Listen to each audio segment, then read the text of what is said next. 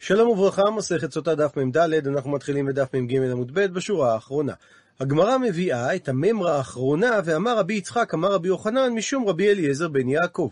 הפכנו דף, מת תופס ארבע אמות לטומאה. מסביר רש"י, חכמים גזרו שיהיה המת מטמא את כל הנכנס בארבע אמותיו, והסיבה לדבר, כדי שלא ירגילו אוכלי טהרות להיקרב למת, ויהיה סבור האדם שהוא לא העיל על המת, ואז יש לחשוש שמא הוא פשט את ידו וכן העיל עליו, בלי שהוא שם לב, ואז הוא יאכל טהרות כאשר הוא טמא. וראיה לדבר, ותנא תונא, וכן שנה התנא במשנה הנשנית בינינו בבית המדרש בסדר טהרות. חצר הקבר, העומד בתוכה הטהור, והוא שיהו בה ארבע אמות, זה דברי בית שמאי. בית הלל אומרים שמספיק שיהיה בחצר הקבר ארבעה טפחים. הוא מסביר רש"י, על פי הגמרא בבבא בתרא, שהם היו עושים מערות קבורה גדולות בגודל של שש על שש, והיו חופרים בכתלים סביב כוכים ארוכות כמידת המת, ותוכב את המת לתוכן, והמערה מקורה בתקרה וכיסוי. ועושה גומה רחבה בצד המערה, ופותח פי המערה לתוך הגומה בכותל המערה כמין פתח, ואותה גומה היא הנקראת חצר הקבר. להלן המחשה של חצר הקבר. אז אדם שעומד בחצר הקבר הוא טהור. ואפילו אם הוא עומד בצמוד לקיר שמאחוריו יש גופה, שכיוון שהמערה חלוקה מחצר הקבר ומחיצותיה ניכרות, לא גזרו חכמים שהמתים שבתוך המערה יתפסו דלת אמות סביבותיה לצד המערה. שחכמים גזרו שהמת תופס ארבע אמות רק במת המוטל באוויר. אבל כאן יש שקר. בבית שמאי סוברים שרק אם יש בחצר ארבע אמות על ארבע אמות זה נחשב מקום לעצמו. אבל פחות מכאן, בטלה החצר אצל המערה, והיא לא מהווה מקום חשוב לעצמה. ומסייגים בית הלל לדבריהם, במה דברים אמורים שפתחה של מערת הקבר מלמעלה, אבל אם פתחה של מערת הקבר מן הצד, דברי הכל, מודים בית הלל לבית שמאי, שצריך ששטח חצר הקבר יהיה ארבע אמות, כדי שהעומד בתוכה לא ייטמע. הוא מסביר רש"י שפתחה של חצר למעלה, הכוונה שאין למערת הקבורה כניסת מדרון במעלות, דהיינו במדרגות מן הצד, אלא שיורדים לה על ידי קפיצה, וכשעולים מתוכה צריך לטפס ולעלות. עד לכאן לשון המשנה, ומקשה הגמרא קל פלאיה? מסביר רש"י, כנגד איפה הפכת דבריך, שהמילה לאיה משמעותה איפה, וכוונת הדברים לומר איפכא מסתברא, שמסתבר לומר בדיוק להפך, שכאשר הפתח מן הצד, כך שיש מדרון שניתן דרכו לצאת, במצב כזה, מסתבר לומר שלא גזרו חכמים שהמת תופס ארבע אמות כאשר יש מחיצות ניכרות, כך שהעומד בחצר, הרי הוא טהור, שאין לנו במה לטמו, שהרי הוא לא צריך לטפס ולעלות, כך שאין חשש שיפשוט זרועותיו, ויעאילו כנפיו על חלל הפתח. ולכן מסתבר לומר שבפתח מהצד הסתפקו בית הלל שגודל חצר הקבר זה ארבעה טפחים. מה שאין כן, כאשר פתח המערה הוא מלמעלה, והוא יורד לחצר שהיא בגודל ארבעה טפחים, אז אי אפשר לו שלא יפרוס כנפיו כאשר הוא מטפס ועולה. אלא אם כן, הוא מאהיל על חלל הפתח. ובלשון הגמרא, אדרבה, בדיוק להפך, מן הצד, מדרית ונפי. היוצא מן המערה מתרחק ממנה, לעומת זאת, כאשר הפתח מלמעלה, אי אפשר דלא מאי. אז מדוע אמרה המשנה של עדת בית הלל, שבמערה שפיתחה מלמעלה, מספיק שחצר הקבר יהיה בגודל ארבעה טפחים, וכאשר פתח המערה מן הצד, גודל החצר צריך להיות ארבע אמות. אלא מחליפה הגמרא את הגרסה שכך אמרו בית הלל, במה דברים אמורים שמספיק שהפתח יהיה ארבעה טפחים, כאשר שפיתחה מן הצד. אבל אם פתחה של מערת הקבורה מלמעלה, במצב כזה מודים בית הלל לבית שמאי, שצריך שגודל חצר הקבר יהיה ארבע אמות, כך שאדם טהור העומד שם לא יטמא. עד לכאן הדיון במשנה במסכת אוהלות, ועכשיו חוזרת הגמרא לפרש מה עשייתה מהמשנה לדברי רבי יצחק. שמזה שאמרה המשנה העומד לתוכו טהור, משמע והני מילי שהמציאות בה מדובר זה חצר הקבר דמסיימה מחיצת, שיש בה מחיצות גמורות למערה, כך שהמערה היא חלל בפני עצמו והחצר בפני עצמה, ויש היכר בדבר. אבל מציאות שהמת נמצא בעלמא, דהיינו שהוא מוטל באוויר, מודים בית הלל, שהמת תפיס ארבע אמות לטומאה.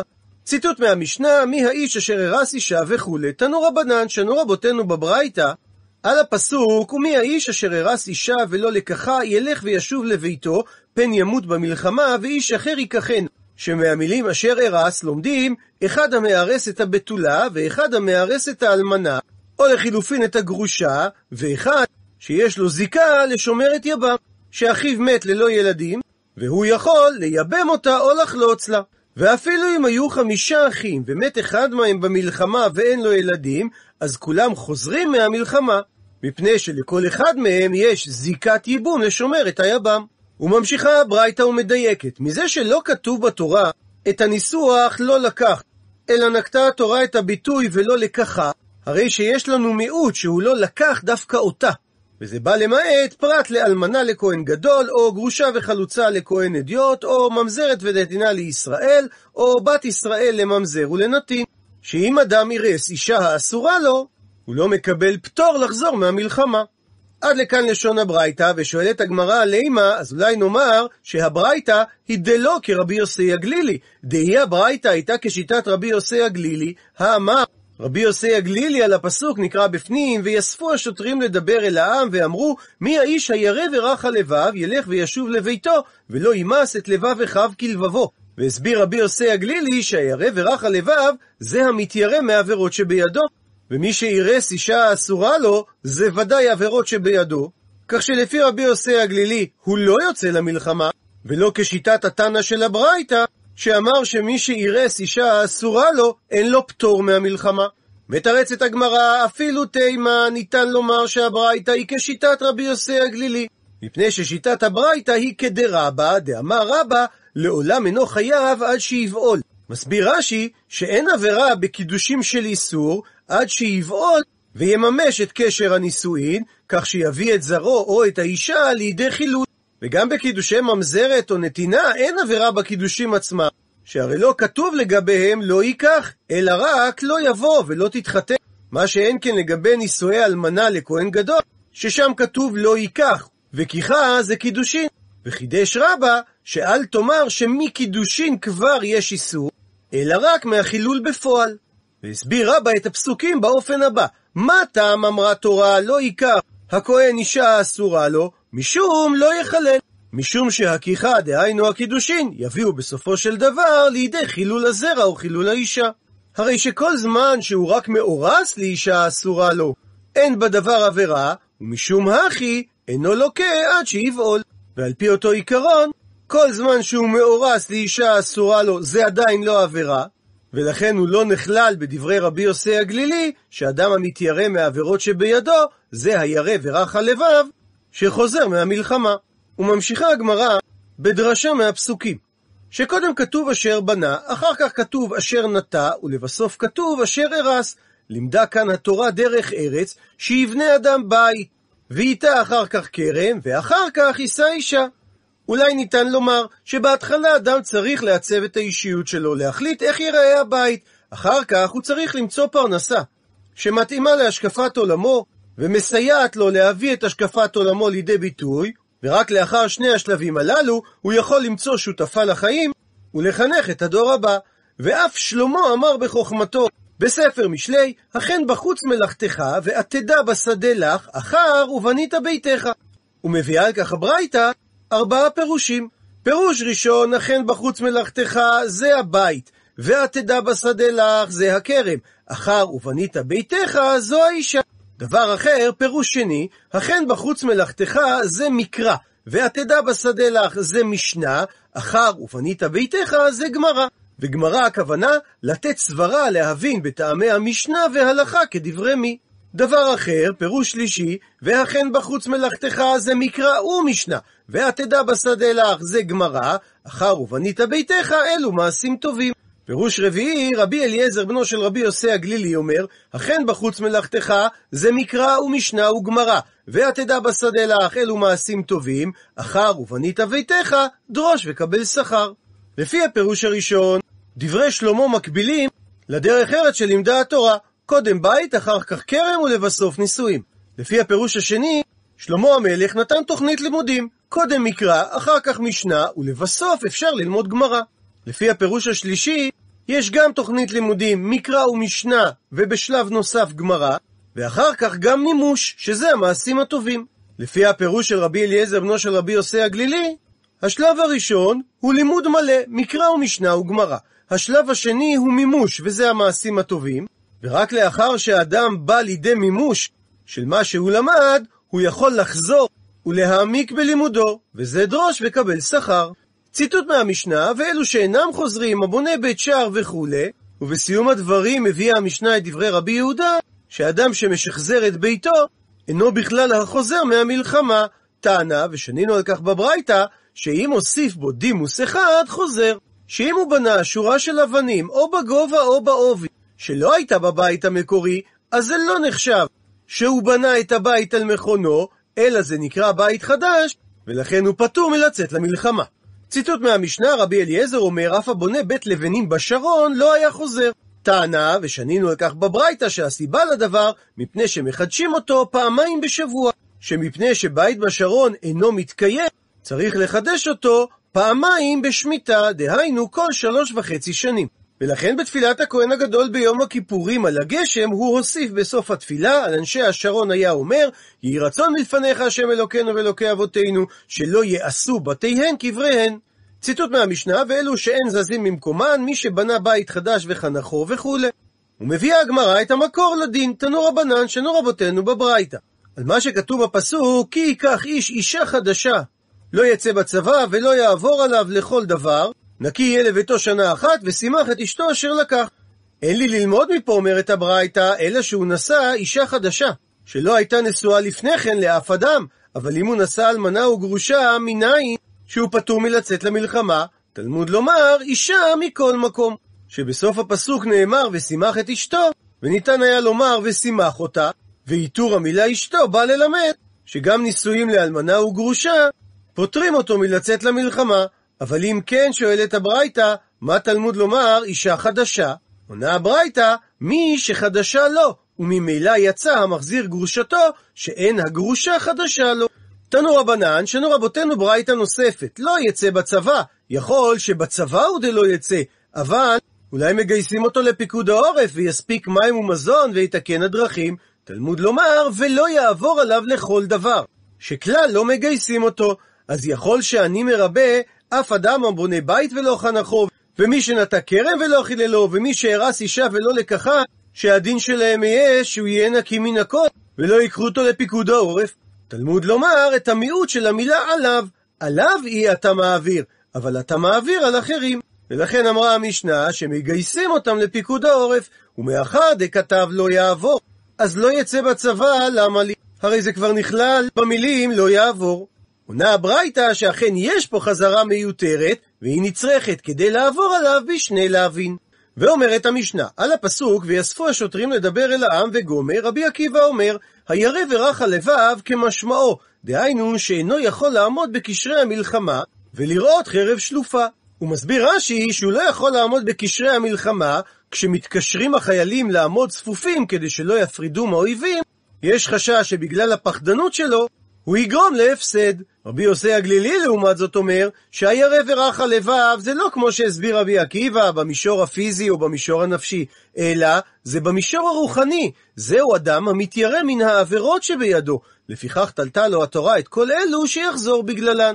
הוא מסביר רש"י שהתורה התירה למי שבנה או נטע או אירס לחזור מהמערכה, ובכך היא אפשרה למי שירא מהעבירות שבידו לחזור מהמלחמה שאם לא כן, הוא היה מתבייש לומר שמעבירות שבידו הוא ירא ולכן הוא חוזר. וממשיכה המשנה, רבי יוסי חולק ואומר, אלמנה הנשואה לכהן גדול, גרושה וחלוצה הנשואה לכהן אדיוט, ממזרת ונתונה הנשואה לישראל, בת ישראל הנשואה לממזר ולנתיב, אדם כזה, הרי הוא הירא ורך הלבב שעליו דיברה התורה. והגמרא תסביר במה נחלקו רבי יוסי ורבי יוסי הגלילי. ולאחר דברי השוטרים, אומרת התורה, והיה ככלות השוטרים לדבר אל העם, ופקדו שרי צבאות בראש העם. ומוסיפה המשנה, וגם ובעקבו של העם. שמציבים אנשים בסופו של העם שעומדים, כדי שלא יחזרו האחרונים לאחריהם לנוס. ומעמידים זקיפים לפניהם, שבחזית מעמידים בני אדם גיבורים ממונים, כך שאם יפול אחד מן הנלחמים, הם יעמידו ויזקיפו ויגבירו את אנשי הצבא בדבריהם. ומצד שני, ואחרים מעמידים מאחוריהם, וכשילין של ברזל בידיהם, שזה כאין חצין, חרבות וגרזנים, וכל חייל המבקש לחזור, הרשות בידו של אותו אחראי לקפח את שוקיו. הפכנו דף בחשיבות העניין מפני שתחילת ניסן נפילה. והגמרא תקשה את השאלה המתבקשת, שזה בדיוק להפך, הרי ניסה היא תחילת הנפילה. והמקור לכך שנאמר, נקרא בפנים, ויען המבשר ויאמר, נס ישראל לפני פלישתים, וגם מגפה גדולה הייתה בעם, וגם שני בניך מתו, חופני ופנחס, ואהרון האלוהים נלקחה. הרי שהמנוסה גרמה למפלה, ולהלן הוא אומר פסוק נוסף בספר שמואל, ופלישתים נלחמים בישראל, וינוסו אנשי ישראל מפני פלישתים, ויפלו חללים בהר הגלבוע. וגם כאן המנוסה גרמה למפלה. הוא מסייג את המשנה, במה דברים אמורים שיש כאלו שחוזרים מן המערכה, ויש כאלו שאפילו אינם זזים ממקומן? זה דווקא במלחמות הרשות, אבל במלחמות מצווה הכל יוצאים, אפילו חתן מחדרו וכלה מחופתה. דעה נוספת, אמר רבי יהודה, במה דברים אמורים במלחמות מצווה, אבל במלחמות חובה, הכל יוצאים, אפילו חתן מחדרו וכלה מחופתה. ושואלת הגמרא, מה איכא, איזה הבדל יש בין דעתו של רבי יוסי לדעתו של רבי יוסי הגלילי? שהרי שניהם הסבירו שהירא ורך הלבב זה הירא מהעבירות שבידו. מסבירה הגמרא איכא בניו, יש ביניהם את ההבדל לעניין עבירה דרבנן. מסביר רש"י, שרבי יוסי הגלילי, אפילו אם אדם עבר על דברי סופרים, הוא חוזר מהמלחמה, ולרבי יוסי, שפירט במשנה דוגמאות של עבירות מדאורייתא, רק עד שיעבור על דבר תורה, כגון אלמנה לכהן גדול, אז הוא חוזר מהמלחמה, ובהכרח מדובר כגון שנשאה בפועל, שאז הוא עובר איסור. ועל פי ההבחנה הזאת שואלת הגמרא, כמאן אז לה דתניא, כשיטת מי הולכת הברייתא הבאה? שאדם שסח, דיבר, בין תפילה לתפילה, בין הנחת תפילין של יד להנחת תפילין של ראש, עבירה היא בידו, וחוזר הוא עליה מאורחי המלחמה. במידה שהוא לא חזר ובירר על הנחת תפילין של ראש, כפי שאומרת הגמרא במנחות, שמי שסח מברך שתיים, לעומת מי שלא סח שמברך ברכה אחת. בסוגריים נאמר, רש"י לשיטתו, וכן פסקו הספרדיים שעל הנחת תפילין מברכים ברכה אחת בהתחלה.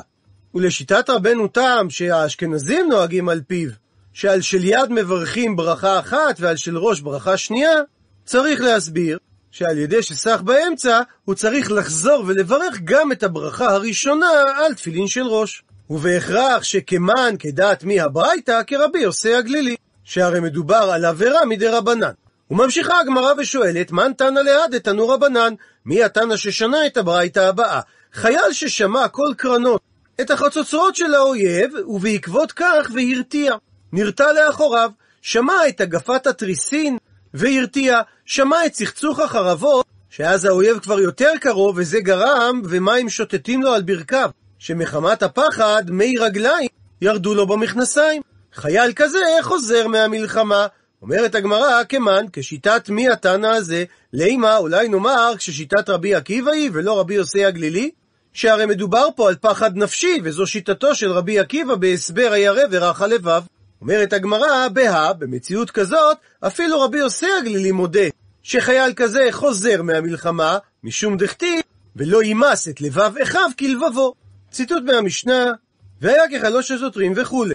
ואמרה המשנה שתחילת ניסן נפילה. שואלת על כך הגמרא, היי, מפני שתחילת ניסן נפילה? הרי בדיוק להפך, מפני שתחילת נפילה ניסה מבעילי, כך היה צריך לומר.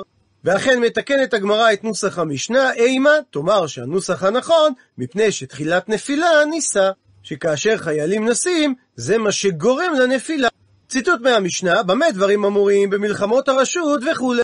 ועל כך אמר רבי יוחנן, מלחמת רשות דרבנן, זוהי מלחמת מצווה דרבי יהודה, ומלחמת מצווה דרבנן, זוהי מלחמת חובה דרבי יהודה. מסביר רש"י, מלחמת רשות דרבנן זוהי מלחמת מצווה דרבי יהודה, שבאותה מלחמה שאמרו חכמים שהיא רשות ואין חתן יוצא לה, אמר גם רבי יהודה אותו דבר, שאין חתן יוצא לה, אלא שרבי יהודה קרא לה מלחמת מצווה. ומלחמת מצווה שחכמים אמרו שהכל יוצאים לה, אמר גם רבי יהודה שהכל יוצאים לה, אלא שהוא קרא לה מלחמת חובה. ואמר רבא הסבר לדברי רבי יוחנן. מלחמות יהושע שהיו על מנת לכבוש את הארץ, לדברי הכל זה מלחמת חובה. מלחמות בית דוד, שנלחם בארם צובע, ובעמים נוספים מסביב לארץ, כדי שיעלו לו מס, דהיינו שמטרת המלחמה הייתה לרווחה, דברי הכול זה מלחמת רשות, כי פליגי, ומה שנחלקו רבי יהודה וחכמים, זה כיצד לקרוא למלחמה שמטרתה למיעוטי עובדי כוכבים דלא ליטי עליו. למעט לגרום לעובדי הכוכבים שלא לבוא למלחמה על ישראל, מה שנקרא מלחמת מנע. מר שזה רבי יהודה, קרי למלחמה כזאת מצווה, ומר שזה חכמים, קרי למלחמה כזאת רשות. והנפקא מינה, ההבדל שיוצא למעשה מההגדרה השונה של שם המלחמה, לעוסק במצווה שפטור מן המצווה. שלפי רבי יהודה, שזה נקרא מלחמת מצווה, הרי החיילים באותו זמן הם עסוקים במצווה, אז הם פטורים משאר מצוות בעודם עסוקים בלחימה. בשעה טובה הדרן הלך פרק משוח מלחמה, ואנחנו מתחילים את פרק תשיעי. הפרק עוסק בדיני עגלה ערופה, ולכן נקרא תחילה את הפסוקים. כי ימצא חלל באדמה אשר אדוני אלוהיך נותן לך לרשתה, נופל בשדה לא נדע מי עיקר. ויצאו זקניך ושופטיך, ומדדו אל הערים אשר סביבות החלל. והיה העיר הקרובה אל החלל, ולקחו זקני העיר ההיא עגלת בקר אשר לא הובלעת בה, אשר לא משכה בעול. והורידו זקני העיר ההיא את העגלה אל נחל איתן, אשר לא יאבד בו ולא יזרע, וערפו שם את העגלה בנחל. וניגשו הכהנים בני לוי, כי בם בחר אדוני אלוהיך לשרתו ולברך בשם אדוני, ועל פיהם יהיה כל ריב וכל נגה. וכל זקני העיר ההיא הקרובים אל החלל, ירחצו את ידיהם על העגלה הערופה בנחל. וענו ואמרו, ידינו לא שפכו את הדם הזה ועינינו לא ראו. כפר לעמך ישראל אשר פדית אדוני, ואל תיתן דם נקי בקרב עמך ישראל, וניכפר להם הדם. ואתה תבער הדם הנקי מקרבך, כי תעשה הישר בעיני אדוני. ואומרת המשנה, עגלה ערופה, אמירות הכהנים שנאמרו בפרשה, בלשון הקודש הן נאמרות, שנאמר, כי ימצא חלל באדמה ויצאו זקניך ושופטיך. והגמרא תשאל, כיצד מוכח הדבר מהפסוק. וממשיכה המשנה, שלושה מבית הדין הגדול שבירושלים היו יוצאים. רבי יהודה חולק ואומר שחמישה היו יוצאים משם, שנאמר זקניך, מיעוט זקנים שתיים, ושופטיך, מיעוט שופטים שניים, ואין בית דין שקול, הוא לא יכול להיות מספר זוגי, לכן מוסיפים עליהם עוד אחד. וממשיכה המשנה, אם נמצא ההרוג טמון בגל אבנים, או תלוי באילן, או צף על פני המים, במקרה כזה, לא היו עורפים את העגלה, שנאמר בפסוק, באדמה, ולא כאשר הוא טמון בגל. נאמר נופל, ולא כאשר הוא תלוי באילן. נאמר בשדה, ולא כאשר הוא צף על פני המים. ואם נמצא ההרוג סמוך לספר, דהיינו סמוך לגבול, או סמוך לעיר שרובה עובדי כוכבים, או סמוך לעיר שאין בה בית דין של 23 דיינים סמוכים, נקרא לפי גרסת הגאות הבך, במקרה כזה לא היו מודדים, דהיינו לא מתקיים דין עגלה ערופה, ובכלל אין מודדים אלא לעיר שיש בה בית דין. ושואלת הגמרא, מהי כאמר?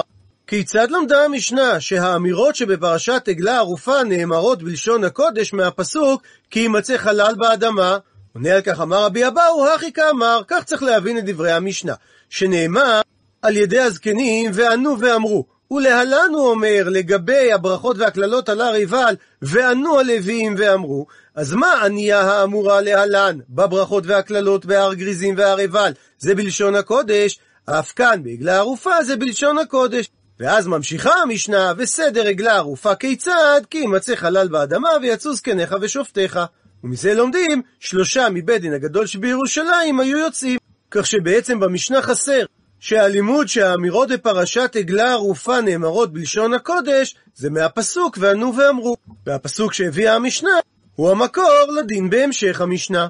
ציטוט מהמשנה, רבי יהודה אומר חמישה וכולי, תנו רבנן, שנו רבותינו בברייתא, שכתוב בפסוק, ויצאו זקניך ושופטיך. זקניך מיעוט זקנים שניים, ושופטיך מיעוט שופטים שניים, ואין בית דין שקול, לכן מוסיפים עליהם עוד אחד. אז הרי כאן חמישה. זה דברי רבי יהודה. רבי שמעון אומר שמיעוט זקניך שניים ואין בית דין שקול, לכן מוסיפים עליהם עוד אחד, אז הרי כאן שלושה. וממילא מקשה הגמרא ורבי שמעון נמי הכתיב ושופטיך. מדוע גם הוא לא דורש כרבי יהודה ששופטיך זה עוד שניים? עונה הגמרא, ההוא מביילה למיוחדין שבשופטיך. לפי רבי שמעון המילה שופטיך באה ללמד שמדובר על הזקנים מלשכת הגזית. דהיינו הדיינים מהסנהדרין הגדולה. ושואלת הגמרא, ורבי יהודה, מהיכן הוא למד את הדין הזה? עונה הגמרא, מזקני זקניך נפק. שיכלה התורה להסתפק ולכתוב זקני, וכתבה התורה זקניך. ומזה למד רבי יהודה שמדובר על המיוחדין שבזקניך. וממילא נשאלת השאלה, ורבי שמעון, מדוע הוא לא דרש כרבי יהודה? עונה הגמרא בשמו של רבי שמעון, אי כתב רחמן הזקני. אם התורה הייתה כותבת רק את המילה זקני, הווה אמינא אפילו זקני השוק, אז הייתי יכול לטעות ולומר שאפילו סתם זקנים מהשוק יכולים לעשות את העגלה הערופה.